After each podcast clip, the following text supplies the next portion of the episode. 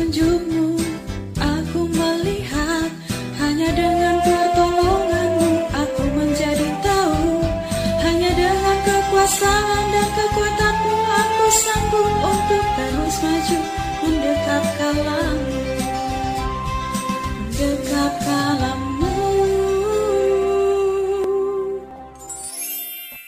Ih, kesel banget sama mama. Nyuruh-nyuruh mulu, gak ngertiin anaknya lagi capek. Gak boleh istirahat sebentar apa? Kenapa Kinara? Ada apa? Kinara lagi kesel Ustazah sama mama. Habisnya dari tadi nyuruh-nyuruh mulu. Kan Kinara capek mau istirahat. Nggak boleh gitu. Udah, jangan marah-marah. Nanti cepat tua loh. Secapek apa pun, seberat apa pun beban kita, kita harus menuruti perintah orang tua. Karena perintah orang tua itu nggak lebih berat daripada beban orang tua terhadap kita.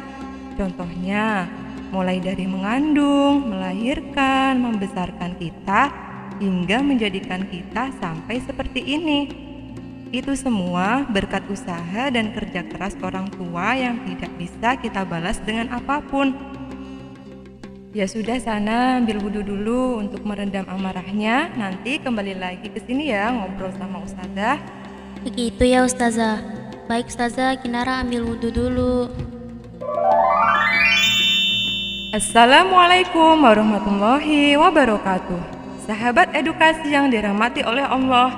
Bertemu lagi dengan saya Ustazah Himma Arinal Muafikoh, pengajar di Pondok Pesantren Baitul Hikmah. Dalam program acara Kalam Kajian Akhlak Muslim, Suara Edukasi Pusdatin Kemdikbud. Sahabat edukasi, pada kesempatan kali ini kita akan membahas tentang bagaimana semestinya akhlak seorang anak terhadap orang tuanya. Nah, Islam mengatur hubungan antara orang tua terhadap anak, termasuk tata cara dalam bergaul antara orang tua dan anak masing-masing memiliki hak yang diatur dalam Islam. Di antara kewajiban orang tua terhadap anak adalah merawat dan mendidik dengan sebaik-baiknya sesuai dengan syariat ajaran Islam. Proses pendidikan di lingkungan keluarga sangat berpengaruh terhadap perkembangan mental dan spiritual anak. Oleh karena itu, Orang tua harus memberikan pendidikan yang terbaik bagi anak-anaknya. Sahabat edukasi yang saya banggakan, kewajiban menghormati dan mematuhi kedua orang tua termaktub di dalam Al-Quran. Ada banyak ayat yang berbicara tentang hal ini, di antaranya surat Al-Isra ayat 23. A'udzu billahi minasy syaithanir. بسم الله الرحمن الرحيم وقضى ربك ألا تعبدوا إلا إياه وبالوالدين إحسانا إما يبلغن عندك الكبر أو كلاهما فلا تقل لهما فلا تقل لهما أف ولا تنهرهما وقل لهما قولا كريما صدق الله العظيم Artinya, dan Tuhanmu telah memerintahkan agar kamu jangan menyembah selain dia, dan hendaklah berbuat baik kepada ibu bapak. Jika salah seorang di antara keduanya atau kedua-duanya sampai berusia lanjut dalam pemeliharaanmu, maka sekali-kali janganlah engkau mengatakan kepada keduanya perkataan "ah" dan janganlah engkau membentak keduanya, dan ucapkanlah kepada keduanya perkataan yang baik. Nah, sahabat edukasi sekalian, kita sudah mendengarkan ya melalui lantunan ayat suci Al-Quran tadi berkaitan dengan hormat dan patuh terhadap kedua orang tua. Gimana Kinara? Bisa dipahami? Alhamdulillah Ustazah, Kinara jadi sedikit lebih mengerti.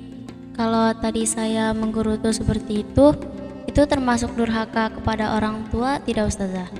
Oh iya, tentu Kinara. Kalau sikap menggerutu itu tentu merupakan sikap yang tidak sopan kepada kedua orang tua.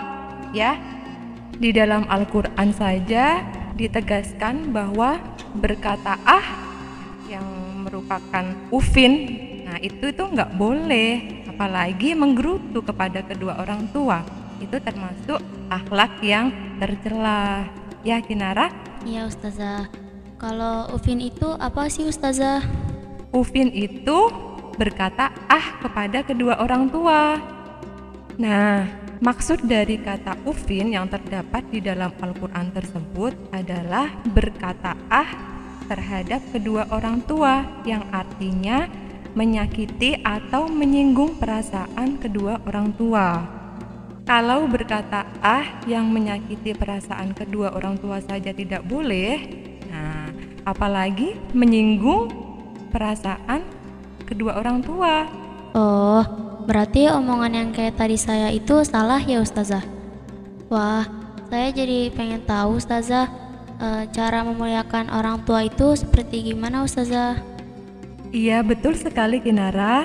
Nah, jadi untuk bisa menjadi pribadi yang berakhlak mulia, Kinara harus menghormati, mengabdi, dan membahagiakan kedua orang tua. Nah, caranya gimana Ustazah? Wah, pertanyaannya bagus sekali Kinara. Jadi, contoh berbakti kepada kedua orang tua adalah misalkan Kinara membantu mamah di rumah memasak, mencuci piring, membantu menjagain adik di rumah ketika orang tua sedang sibuk. Ya, selanjutnya ketika Kinara belajar di sekolahan, tugas Kinara apa sih? Tugasnya uh, mencari ilmu saja dengan semangat terus fokus. Ya, betul, mencari ilmu dengan sungguh-sungguh. Nah, menuntut ilmu dengan sungguh-sungguh itu merupakan dari berbakti kepada kedua orang tua. Begitupun sebaliknya, jika Kinara belajarnya tidak sungguh-sungguh, itu merupakan sikap yang tidak berbakti kepada kedua orang tua. Jadi, tunjukkan kepada orang tua kalau kamu itu bisa meraih prestasi untuk membahagiakan kedua orang tua. Gimana Kinara? Oh, begitu ya Ustazah. Nah, selanjutnya ya Kinara, sikap berbakti kepada kedua orang tua itu dapat dibuktikan dengan mendengarkan nasihat dan mentaati perintah kedua orang tua. Ketika Kinara diberikan nasihat-nasihat kedua orang tua, Kinara taati apa nasihat-nasihatnya, perintahnya ditaati ya. Lebih-lebih doa ibu ya Kinara seperti apa yang dikatakan oleh baginda Nabi Muhammad SAW bahwasanya al jannatu tahta aqdamil ummahat yaitu surga di bawah telapak kaki ibu. Selalu mendoakan dan memohon ampunan dan senantiasa meminta doa restu. Terlebih ketika Kinara mau belajar, mau berangkat ke sekolahan, mau balik ke pondok, Kinara minta restu orang tua agar ketika di sekolahan menuntut ilmu dilancarkan, dimudahkan dan diberikan keberkahan. Itu ya, oh. ya Kinara ya. Iya Ustazah. Nah, ini ada keterangan lagi nih Kinara. Hadis riwayat Ibnu Majah bahwa ada tiga macam doa yang dikabulkan oleh Allah. Yang pertama itu adalah doa orang yang dizolimi. Yang kedua, doa orang musafir. Tahu nggak musafir itu apa? Belum Ustazah. Apa sih Ustazah musafir? Musafir itu orang yang sedang dalam perjalanan. Oh, seperti itu Ustazah. Iya Kinara. Selanjutnya yang terakhir adalah doa orang tua kepada anaknya. Nah, doa ketiga ini adalah doa yang paling diijabah oleh Allah. Paham Kinara? Alhamdulillah paham Ustazah. Kinara, apakah kamu selalu mendoakan kedua orang tuamu dan memohonkan ampun kepada kedua orang tua? Ya Ustazah, setiap selesai sholat, Kinara selalu doain kedua orang tua Kinara. Bagus sekali, kamu memang anak solehah ya. Semoga Allah selalu melindungi keluargamu dan cita-citamu tercapai. Amin, Allahumma amin Ustazah. Jadi kesimpulannya apa Kinara? Jadi, kita hendaknya senantiasa berbuat baik pada orang tua, baik yang masih hidup atau sudah meninggal. Karena ridha Allah di setiap ridha orang tua dan murka Allah juga ada pada murka kedua orang tua. Nah, selama orang tua tidak memerintahkan kekufuran, kemusyrikan, dan perbuatan maksiat kepada Allah, maka semua perintahnya wajib dilaksanakan. Setiap anak berkewajiban untuk berakhlak mulia kepada orang tua, mengingat betapa besar pengorbanan orang tua kepada kita yang sudah melahirkan, membesarkan, dan memberikan kita pendidikannya yang layak. Nah, berarti Kinara sudah paham ya bagaimana cara berakhlak yang baik kepada kedua orang tua. Alhamdulillah sudah paham Ustazah. Sahabat edukasi yang dirahmati oleh Allah, demikian kajian kita pada episode kali ini. Semoga dari apa yang kami sampaikan bermanfaat untuk sahabat edukasi semua. Dari penjelasan kita tadi dapat disimpulkan bahwa kita harus selalu menghormati kedua orang tua karena hormat dan patuh kepada kedua orang tua termasuk perintah agama karena ridho Allah terdapat pada ridho orang tua. Semoga bermanfaat ya. Jangan lupa tetap simak terus radio Suara Edukasi yang akrab dan mencerdaskan pada website suaraedukasi.kemdikbud.go.id atau di aplikasi handphone TV Edukasi dan aplikasi Spotify. Suara Edukasi Podcast. Cukup sekian dan tetap sehat. Wallahul muwafiq ila.